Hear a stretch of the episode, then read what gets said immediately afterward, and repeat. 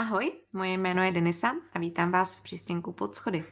Podcastu, který se bude věnovat zejména rozdílům mezi jednotlivými filmy a knihami o Harry Potterovi. Uh, někdy se budeme teda ob- zabývat trošičku i rozdíly mezi jednotlivými um, překlady, protože při čtení Harryho Pottera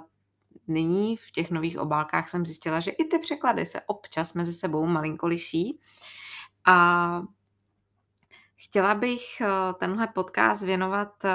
těm rozdílům zejména proto, že já ještě doopravdy patřím do generace, která vyrostla na Harry Potterovi a netrpělivě očekávala každou další knížku a každý, každý další film. A vždycky mě potom hodně mrzelo, když v těch filmech byly vynechané věci, na které já jsem se z knížek třeba hodně těšila. Já samozřejmě rozumím tomu, že vždycky, když se bude natáčet eh, film, který bude mít knižní předlohu, tak se toho musí hodně vynechat, protože ten film prostě nemůže mít 10 hodin, nikdo by se na něj potom už jako nedíval. Ale zrovna v těch filmech o Harry Potterovi mi často přišlo, že některé ty věci jsou uh, vynechané až jako zbytečně, protože do filmu se dostaly věci, které třeba v těch knížkách ani nebyly, nebo nebyly pro ten děj nějak jako důležité, nebo neříkali nic o, o nějaké uh, dynamice těch knížek a podobně. A naopak věci, které důležité byly, uh, tak tam jako nikdy, nikdy nezazněly přišlo mi to jako obrovská škoda, protože pak jsem vždycky říkala, že uh, člověk, který viděl pouze filmy, ale knížky nikdy nečetl, to vlastně nemůže tak doopravdy pochopit. A největší věcí, která mi vždycky v těch filmech chyběla, byl humor, který Rowlingová a myslím si, že teda i náš český překladatel uh, do těch knížek dokázali vložit v tu správnou chvíli. A myslím, že ten humor z těch knížek dělal krásný unikový místo, kam člověk eh, se uchyloval ke svojí, nebo teda i jejich uh, fantazii a která z těch knížek dokázala hodně dlouho dělat knížky, které uh, z mého pohledu jsou pořád jako hodný pro děti, kdežto ty filmy už jsou potom takové uh, jako hodně, hodně temné a tak, což ne, že by knížky nebyly, ale ten humor tomu dokázal v tu správnou chvíli uh, dodat trochu lehkosti, trošku uh, takové nadlehčenosti a dokázal prostě člověka opravdu pohladit po duši. Když to u těch filmů si myslím, že já už bych se jako dítě bála. Já teda uznávám, že ne každý dítě je takový strašpitel, jako jsem byla, no vlastně do teďka jsem uh, já, ale prostě si myslím, že to v těch uh, filmech chybělo a že to tam chybělo až tak trošku jako zbytečně, že by to nemuselo vždycky být tak, eh, tak úplně vážný. A naopak některé ty vážné věci, které v knížkách eh, zazněly a do filmů se nedostaly a přesto by byly jako důležitý pro pochopení toho, proč se některé věci dějí tak, jak se dějí a proč je to tak skutečně důležité, eh, tak to bylo jako hodně podstatný. Jedním z rozdílů, který mě vadí už tady v tom prvním filmu a vadí mi potom v každém dalším filmu a úplně nejvíc mi potom vadí v sedmičce a to zejména proto, že ty scény ještě navíc jako byly natočeny, jenom se do těch filmů jako nedostaly. Hlavně, že se tam dostal ten podivný taneček a prostě polovinu toho filmu trávíme tím, jak tam se přemysťují uh, po lese, tak uh, je to, že vlastně v těch knížkách vůbec, eh, nebo v knížkách, pardon, ve filmech, v knížkách to právě naopak je, je nějaké uvedení do Darsleyových, což tam podle mě opravdu být mohlo, eh, protože vlastně eh, v prvním díle knihy začínají už za dne a v knize vidíme, že ačkoliv to vypadá jako naprosto obyčejné ráno, tak už se začíná dít něco zvláštního. Eh, létají sovy za dne, lidi chodí podivně oblečení, eh, Vernonovi se zdá, že vidí kočku, která doopravdy jako studuje mapu u nich na zítce a podobně. A uh, vlastně už mu začne vrtat hlavou, že je něco zvláštního. On z duše prostě nesnáší lidi, kteří se oblékají jinak než ti ostatní a nejdřív si myslí, že to je nějaká nová hloupá móda a potom, že ti lidé na něco vybírají a vlastně ho velmi znepokojí, když potom slyší, jak eh, se baví o potrovích a začne přemýšlet, jestli by to s nimi nějak nemohlo taky souviset, jestli jsou to právě ti potrovy, za který oni se tolik stydí a jejich existenci se snaží za každou cenu utajit a jí má je hrůza při pomyšlení, že by někdo vůbec jako přišel někdy na to, že jsou příbuzní s takovýmihle lidmi. Když to v té knize se vlastně setkáváme v noci a už rovnou s Brumbálem a potom s McGonagallovou a vůbec tam není vidět vlastně dynamika toho vztahu mezi Petuní a Vernonem, protože uh, mám takový dojem, že z těch filmů to vždycky vyznívá tak, že ten uh, Vernon je takový jako opravdu ta hlava rodiny, ten boss a ta Petunie ho vždycky jako uh, za každou cenu poslouchá, když to v té knižce už jde jako krásně vidět, že on je nervózní a nechce ji rozčílit a nějakým způsobem podráždit, když se jí nenápadně snaží na ty uh, potrovy vlastně vyptávat a jemně se ptá, jestli nedostala od svojí sestry poslední dobou nějakou zprávu a jak se ten jejich syn jmenuje a jestli je teda v podobném věku jako Dudley, protože samozřejmě si můžeme v těch knížkách všimnout také krásné poznámky, že vlastně Harry je další dobrý důvod, proč nechtějí mít s Potrovými nic společného, protože nechtějí, aby se jejich Dudley vlastně výdal s takovým dítětem. A už je tam jako hezky vidět to, že ten Vernon má strach se na to té Petunie zeptat a Petunie opravdu reaguje tak, že tam je vidět ta zášť vůči, vůči té vlastní sestře a podobně. A mě tohle se třeba v těch filmech jako doopravdy hodně chybí, protože uh, i když v tom filmu jde jako vidět, že to nejsou zrovna dobrý lidi, tak oni v podstatě působí uh, jenom jako hloupí a omezení lidé a to, že ta um, jejich uh, zloba směřovaná vůči Harrymu vlastně mm, je z té jejich uh, hlouposti a z toho strachu z neznáma, když to v těch knížkách si myslím, že jde jako dobře vidět, že vlastně uh, to pramení tak trochu spíš jako z té zášti, kterou si v sobě ta Petunie, uh, Petunie vybudovala a později tam jde hezky vidět i jako proč si tu zášť vybudovala. K tomu se ale dostaneme v, nějakých, v nějakém z těch dalších dílů, tam bych se tomu určitě chtěla potom věnovat víc. Nicméně uh, Další věcí, která mě tam jako zcela chybí, uh, je krásný rozhovor, který spolu potom večer McGonagallová s Brumbálem vedou, protože vlastně v těch filmech uh, si jenom popovídají teda vlastně o tom, že uh, Harry ho přiveze Hagrid a jestli doopravdy musí zůstat zrovna tam u těch Darcyových, že prostě jsou to, jak McGonagallová říká, mudlové toho nejhoršího druhu podobně, když to v knížce je ten rozhovor trošku podrobnější a taky si myslím, že zrovna tohle se tam mělo objevit, protože McGonagallová se už tady ptá Brumbála, jak to vlastně Harry přežil, jak je možný, že uh, tu Voldemortovu moc po 11 letech zlomilo zrovna to, že uh, jako nebyl schopen zabít jednoho malého kluka. A proč ho vlastně nebyl schopný zabít? A Brumbal tady tak trochu podle mě teda kecá, protože vlastně McGonagallový říká, že uh, se to můžou jenom dohadovat a možná se to nikdy nedozví. Nicméně já si myslím, že on už tady musel uh, vědět, uh, jak funguje ta krevní ochrana, protože jinak by ho určitě nenechal zrovna u Darcyových, protože to, že on tam jako říká, že vlastně bude slavný dřív, než se naučí uh, chodit a aby mu to jako teda nezamotalo hlavu, že jo. Uh, tak eh, si myslím, že to je spíš taková jako výmluva, že by určitě mohl najít jako vhodnější um, rodinu, byť třeba kouzelnickou, anebo i jako mudlovskou, která by o něm vůbec nic nevěděla, ale určitě by se k němu chovala milejš než zrovna Darcylovi. Takže si myslím, že už vlastně tady o té krevní ochraně musel vědět a že chtěl, aby fungovala, protože vlastně nikdy ani on, ani vlastně McGonagallová neřekli, že Voldemort zemřel. Oni už v těch knížkách říkají, že přišel o svou moc. Tudíž si myslím, že už tady Brumbál věděl, že, ta krev, že potřebuje, aby ta krevní ochrana fungovala, aby se vlastně k němu Voldemort nebo někdo z jeho přívrženců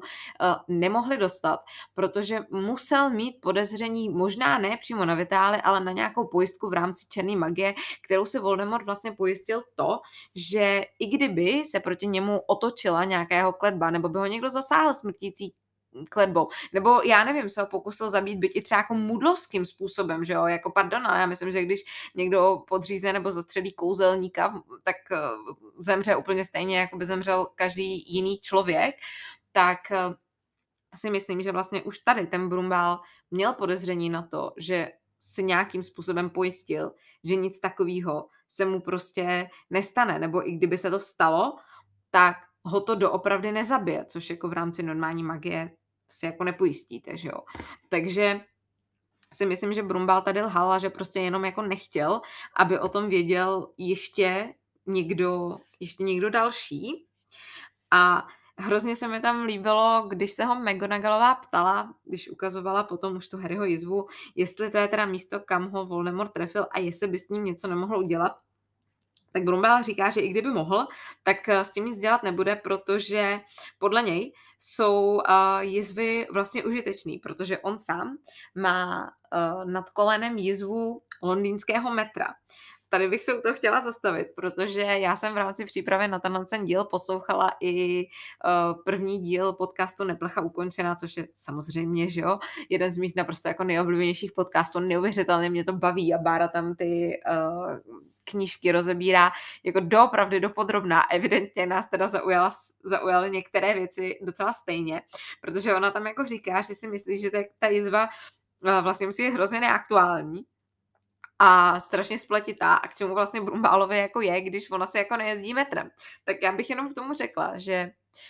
bych se asi vůbec nedivila, kdyby Brumba ve volných chvílích seděl v metru a projížděl se tím sem a tam a nevím, prostě přemýšlel o nesmrtelnosti chrousta. Ale hlavně já jsem si totiž jako dítě myslela, a nějak jsem si to jako asi myslela až doteď, že ta jizva bude svým způsobem jako kouzelná, protože londýnský metro je neuvěřitelně spletitý a má prostě asi milion linek a samozřejmě neustále přibývají nové a nové stanice. Takže když by prostě tam měl 30 let jizvu, tak by byla doopravdy neaktuální. Ale já jsem si jako z nějakého důvodu vždycky myslela, že ta jizva je v podstatě taková malá chytrá aplikace, jo? že se aktualizuje podle toho, jak se aktualizuje to metro. A protože je to vlastně kouzelná jizva, no tak se zobrazí jenom tu část, kterou on jako zrovna potřebuje. Nikdy jsem teda nepřemýšlela nad tím, jak se mu tam ta jizva dostala. Já bych se snad ani nedivila, protože Brumbál byl přece jenom trošičku jako výstřední, kdyby si ji tam prostě sám jen tak jako přičaroval. Uh, nicméně vždycky mě tahle, ta, tahle ta pasáž docela jako bavila, přišla mi hrozně vtipná, bylo takový jako smutný, že se to v tom filmu neobjevilo, i když ono to jako není vůbec nějak důležitý a nikdy už se k tomu jako nevrací ani v těch, uh, ani v těch uh, knížkách. Asi to bylo opravdu jenom ukazatelem na to, že prostě uh, se Harry mu ta jizva jednoho dne bude hodit a tak s tím nic dělat zkrátka nebudou. Další věcí, která mě teda hodně jako pobavila v knížce, a ve filmu nebyla, bylo to, že Brumbal tam uh, McGonagallový v českém původním překladu nabízí citronovou zmrzlinu s tím, že je to jedna z mudlovských pochoutek, uh, která mu chutná. McGonagallová teda odmítne a on stejně jako dvě vytáhne. A pak ještě potom jako třetí. A mě to jako dítě hrozně bavilo, protože jsem si říkala, to, to je super, že on prostě může z toho svého uh, hábitu prostě od někud vytáhnout neupatlanou prostě zmrzlinu a jen tak si ji dát. A teďka jsem to četla svému malému synovi znovu a v češtině už tam v těch nových, překl- eh, v těch nových vydáních nevytahuje zmrzlinu, ale vytahuje bonbon. Což mě jako hrozně zarazilo, protože jsem si říkala, jako, proč najednou vytahuje ten bonbon, to už prostě není tak vtipný, kam, kam, kam, se, kam se podělá moje citronová zmrzlina? No tak jsem otevřela díl ještě teda v angličtině, protože já to teďka dělám tak, že vždycky malýmu přečtu jednu kapitolu česky a pak mu ji čtu anglicky. A zjistila jsem, že teda v angličtině vytáhl sherbet lemon, což jako, já nevím, já asi jako kdybych to vložně nehledala, tak si taky myslím, že to je prostě citronový sorbet. A pak jsem zjistila, že teda v britské angličtině je to nejspíš jako šumivý bonbon a v americké angličtině by to mohl být ten sorbet. Já nevím, jestli je tady někdo, kdo se v těch rozdílech mezi britskou a americkou angličtinou vyználí. Prosím vás, tak co teda vytáhl, když vytáhl sherbet, sher, teď neumím ani už mluvit, sherbet lemon. Vytáhl citronový sorbet nebo vytáhl citronový bonbon, protože já jako mám tady před sebou uh, anglický vydání té knížky od Mina Lima, což si ale myslím, že jako to anglické vydání knížky by se snad nemělo jako lišit od jakýhokoliv jiného a tam jsou nakreslený cit, uh, citronový bonbony. Takže teda asi nejspíš vytáhl ten bonbon, což už což už prostě není ono, no. Jako v mojí hlavě pořád vytahuje z toho hábitu tu citronovou zmrzlinu, prostě klasický kopečkou, tak jak ji známe, v úplně skvělém stavu a nevím, jako dítě jsem to prostě jako dokázala opravdu hodně ocenit zrovna tohle. Uh, nicméně uh, další věcí, která mě třeba v té první kapitole uh, přišla skvělá, je to, že už tady jde vidět, že Rowlingová uměla úplně skvěle vložit zmínky o postavách nebo takové malé narážky uh, na něco, co se bude dít nebo bude důležité v těch dalších dílech. A opět to v tom filmu chybí. Vlastně i v tom filmu, že jo, Hagrid přiveze prostě malýho Harryho na létající motorce, nikdo se tam nezabývá tím, kde ji vzal a prostě, že jako um, letí na kouzelný motorce a přitom všichni se potom v druhém díle mohli zbláznit z toho, že letěli kouzelným autem, takže kouzelná motorka byla asi jako v pořádku, ale kouzelný auto je hrozná tragédie. A vlastně a přitom Hagrid v, tom, v té knížce říká, že tu motorku si půjčil od mladého Siriuse Blacka. Později mu ji vlastně taky ještě uh, letí vrátit, když už se k němu teda asi jako nikdy nedostane. Uh, nicméně pro mě je to třeba úplně úžasný, že už tady se o Siriusovi uh, zmiňují, protože v těch filmech to vlastně vypadalo jako, že tyjo, tak jsem se tady ve třetím díle nějak jako zjevila a máš kmotra, haha prostě, jo. A v tě, přitom uh, v té knížce jde jasně jako vidět, že on na místě, kde ty Harryho rodiče zemřeli, v tu chvíli byl a že vlastně se nezjevil jenom tak, že to mělo jako svoje opodstatnění a že bude pro tu knížku uh, a pro ten děj ta jeho postava důležitá. A mně vždycky jako přišlo škoda, že tohle co se vlastně do těch filmů, uh, do těch filmů nedostalo, protože uh, v těch filmech by to zabralo okolik jako o dvě vteřiny víc říct, tady jsem si půjčil motorku jako od mladého Siriuse když už tam stejně ten rozhovor mezi tím Hagridem a Brumbálem a vlastně teda i McGonagallovou jako je, tam eh, to není jako o tom, že by se kvůli tomu musela natočit nějaká další scéna nebo něco takového a fakt si jako myslím, že to tam, uh, že to tam uh, vložený, uh, vložený být mohlo, protože zrovna ten Sirius je jako kromě toho, že to je jedna z mých teda jako nejoblíbenějších postav, protože já opravdu jako miluju postavu Siriuse a Snape'a, tak uh, si myslím, že by bývalo jako bylo super jako vědět, že, nebo by bylo super vidět, že uh, to není jako něco, co ona si prostě vymyslela až, až jako později, aby vlastně jako mělo čem ten třetí díl být, že už to bylo, jde prostě hezky vidět, uh, že to má od začátku promyšlený a v těch filmech to tak jako uh, ne, vždycky, ne vždycky vypadá, což já třeba osobně jako považuji za docela mínus uh, těch filmů. Uh, poslední, co bych asi jako chtěla říct, že mě vždycky zaujímalo, je to, uh, což se teda neobjevilo uh, v těch filmech, ale vlastně to se to neobjevilo ani v té knížce. A podle mě je to třeba jako docela zajímavý téma, nevím, jestli o tom schválně někdo budete potom vědět víc, tak mi zkuste dát jako vědět. Ale vlastně v knížce říkají, že eh, když Voldemort padl, tak eh, pod jeho hrůzovládou ten kouzelnický svět byl už 11 let. 11 let je opravdu hodně dlouhá doba. Mezitím Voldemort eh, povraždil spoustu skvělých kouzelníků a čarodějek a myslím si, že většinou vyvraždil celé ty, celé ty rodiny. A co mě na tom zaráží, je teda to, jak vlastně funguje ta kouzelná ochrana, kterou Harry mu poskytla jeho matka tím, že za něj položila, položila život. My všichni jako víme, že on tam přímo šel zabít toho Harryho kvůli věždbě a že se mu to nepovedlo. Nicméně za 11 let nebyla žádná jiná matka, která by se postavila mezi Voldemorta a svoje dítě, nebo opravdu vždycky jako postupoval systematicky tak, že uh, zabiju tátu, mámu a pak teprve dítě, takže vlastně ta matka jako neumřela v ochraně o to dítě, anebo si jako vybíral vždycky jenom jako uh, bezdětné, bezdětné páry, o čemž teda jako silně pochybuju. Protože si myslím, že jako za 11 let, pokud uh, by prostě přišel jako k někomu domů a, a, a vraždil je uh, jako prostě tak, jak mu přišli pod ruku, tak by nejspíš jako bylo první dítě a určitě by se nějak, nebo prostě dítě dřív než matka nebo otec jsem tam. A, a že některý z těch rodičů by se určitě jako pokusil ty svoje děti ochránit, tudíž uh, k té k krevní ochraně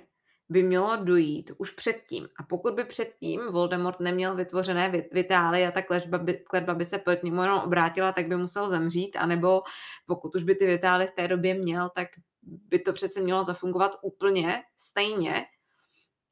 Tak jenom, že mě tak jako vždycky zaujalo to, že opravdu jako trvalo 11 let, než se nějaká matka postavila mezi Voldemorta a své dítě, aby vlastně ta krevní ochrana zafungovala? Nevím, no, jako